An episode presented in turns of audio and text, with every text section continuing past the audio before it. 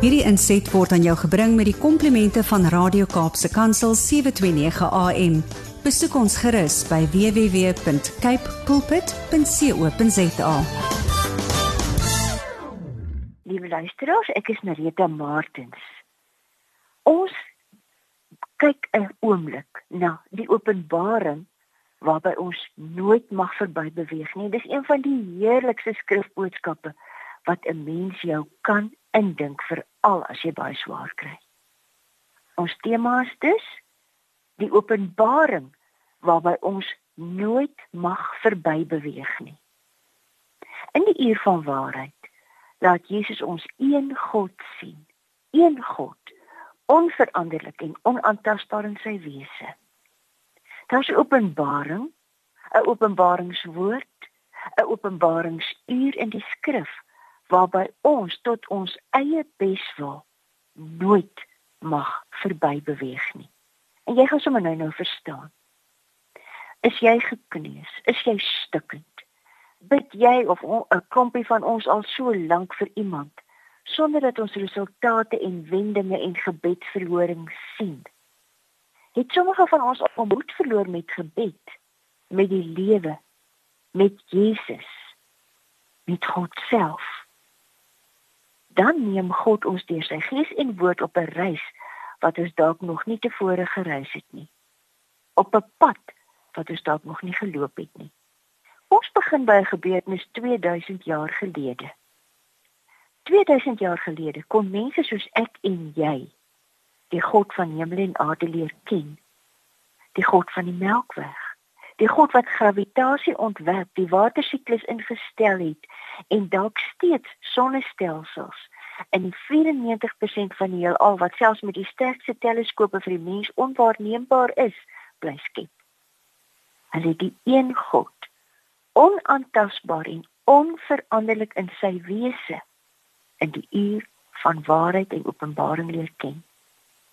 Ons sê dit weer. 2000 jaar gelede kom mense soos ek en jy die wese, die karakter, die waarheid leer ken van die God wat elke sienlike en onsienlike ding gemaak het. Mikroorganismes, elke element, elke saad en elke stemband om enige geluid te kan produseer. Die God wat die brein ontwerp het en jou en my immuunstelsel. Hulle die een God, onaantastbaar en onveranderlik in sy wese in die uur en in die openbaring van die waarheid leer ken. 2000 jaar gelede kon mense soos ek en jy die kyk in die oë sien van die God wat die wonderbare produksieproses van heuning deur heuningbye tot kos en heling van aardbewoners tot stand gebring het. Hulle die een God onaantastbaar en onveranderlik in sy wese in die uur van openbaring en waarheid leer ken. Kom ons lees van die uur van waarheid in 'n gedeelte van Johannes 14 van vers 1 tot 15. Jesus Christus het vir 'n paar gewone mense soos ek en jy vir sy disippelskring wat uit vissers en tollenaar nog 'n paar eenvoudige mans bestaan het gesê. En wie sê nou sulke teer en bemoedigende dinge vir geharde vissers en manne wat mos nie bang mag lyk nie. Wie praat nou sommer so uit die bloute met mans oor hulle bestemming na hierdie aardse lewe? Dit was nie 'n gewone mansgesprek nie. Jesus het gesê: "Julle moenie ontstel wees nie. Glo in God, glo ook in my. In die huis van my Vader is daar baie woonplek. As dit nie so was nie, So ek nie vir julle gesê het ek gaan om vir julle plek gereed te maak nie. En as ek gegaan en vir julle plek gereed gemaak het, kom ek terug en sal julle na my toe neem sodat julle ook kan weet waar ek is. Julle ken die weg na die plek waarheen ek gaan. Toe raak Thomas se tong los. Ons nou maklik Thomas die twyfelaar. Maar wonder jy ook soms hoe hy gelyk het? Wat is soort mens hy regtig was? Thomas sê vir hom: Here, ons weet nie waarheen u gaan nie. Hoe kan ons die weg daarheen ken? Jesus het vir hom gesê: Ek is die weg en die waarheid en die lewe. Niemand kom na die Vader toe behalwe deur my nie. En toe begin Jesus die waarheid wat geen mens verwag het nie onthaal. As julle my ken, sal julle my Vader ook ken en vanaf ken julle hom en sien julle hom.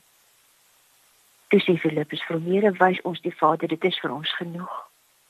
En Jesus sê vir hom, ek is al so lank by julle. En ken jy my nie, Filippus? Wie my sien, sien die Vader.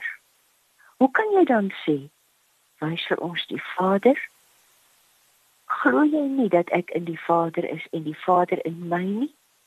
Die woorde wat ek met julle praat, praat ek nie uit my eie nie, dit kom van die Vader wat in my bly en sy werke doen. Dit verseker ek julle. Wie in my glo, sal ook die dinge doen wat ek doen.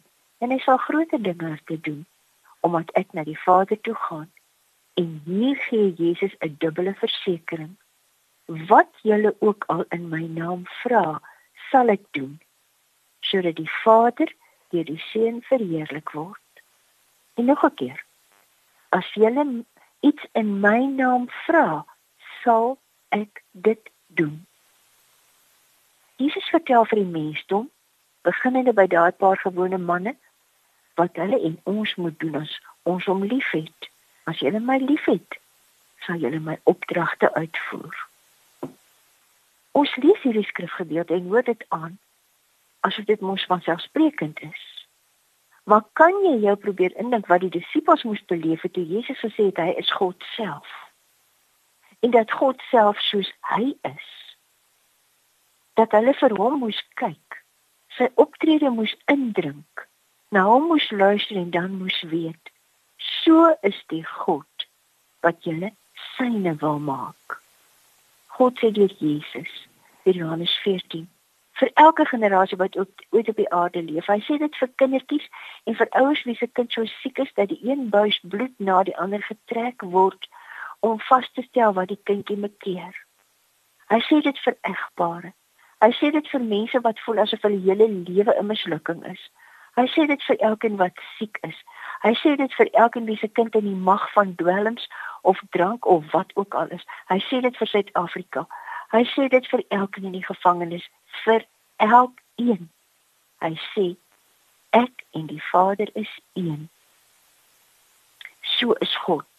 Soos jou God glo my glo in my wat jy ook al in my naam vra sal ek doen sodat die Vader deur die Seun verheerlik kan word. As jy in my in my naam iets vra sal ek dit doen. En vandag bereik elkeen van ons dan die plek die openbaringsplek die openbaringsboodskap waarby ons tot ons eie beswil nooit mag verby beweeg nie. Hoekom sê ons dit? Vir wie sê ons dat ons nooit by hierdie openbaringsboodskap mag verby beweeg ons moet altyd hier vashak kom ons luister wat mense sê en dink partykeer sonder woorde net in trane. O Here dink baie ouers en lewensmaats ja ook die kinders van alkoholiste en ander mense in die mag van dwelms of bindende magte. Ek weet nie eens of ek nog glo soos dit in Hebreërs 11 vers 1 staan nie. Om te glo is om seker te wees van die dinge wat ons hoop om oortuig te wees van die dinge wat ons nie sien nie mense sê ek is 'n wrak. 'n wrak in die chaos van die lewe wat ek nooit vir myself sou gekies het nie of het ek dit dalk gekies is ek die oorsaak. Die chaos wyk nie ten spyte van alle gebede en pleidooie voor God. Ek kyk na die alkoholisme wat ek getroud is na my dwelmverslaafde kind met die voetspore van 'n kind wat nie eers meer met my kontak maak en sy eie pad iewers loop wat net want net voetspore en fotos het oorgebly ten spyte van alle gebede en pleidooie voor God. Luisteraars ons weet mos van wonde. En dis hier waar ons by die openbaringsplek staan saam met die verbuisterde disippels. Ons kan Jesus hoor praat en verbyskuif soos wanneer ons die stem van 'n aardse spreker wil ontsnap en oor ander mense se knieë uit 'n saal probeer kom.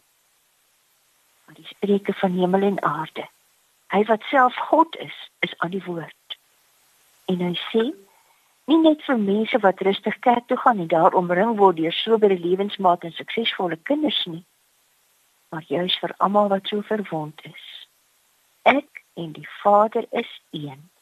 Glo my. Glo in God. Glo my. As jy in my naam iets vra, sal ek dit doen sodat die Vader deur die Seun verheerlik kan word. As jy in my naam iets vra, sal ek dit doen. Ja. Jy sien en beleef dalk nog nie die dag van gebedsverhoring nie. Jy wil sien hoe en wanneer Jesus doen wat jy in sy naam vra. Dit sal kom. Dit sal in jou lewenstyd kom of daarna. Maar Jesus, een met die Vader, sal dit doen. En daarom vra ons jou in die naam van die Here, moenie by die openbaringsuur verbygaan nie. Bly daar en kniel net daar voor Jesus en sê vir hom: Here, ek glo U. Alles in die lewe hang af van hierdie ding of ons by daardie openbaring gaan verby beweeg of ons hierdie beloftes van die eh, van Jesus Christus gaan glo. Here, help ons almal deur U Gees en ons dank U. Amen. Hierdie inset was aan jou gebring met die komplimente van Radio Kaapse Kansel 729 AM. Besoek ons gerus by www.cape pulpit.co.za.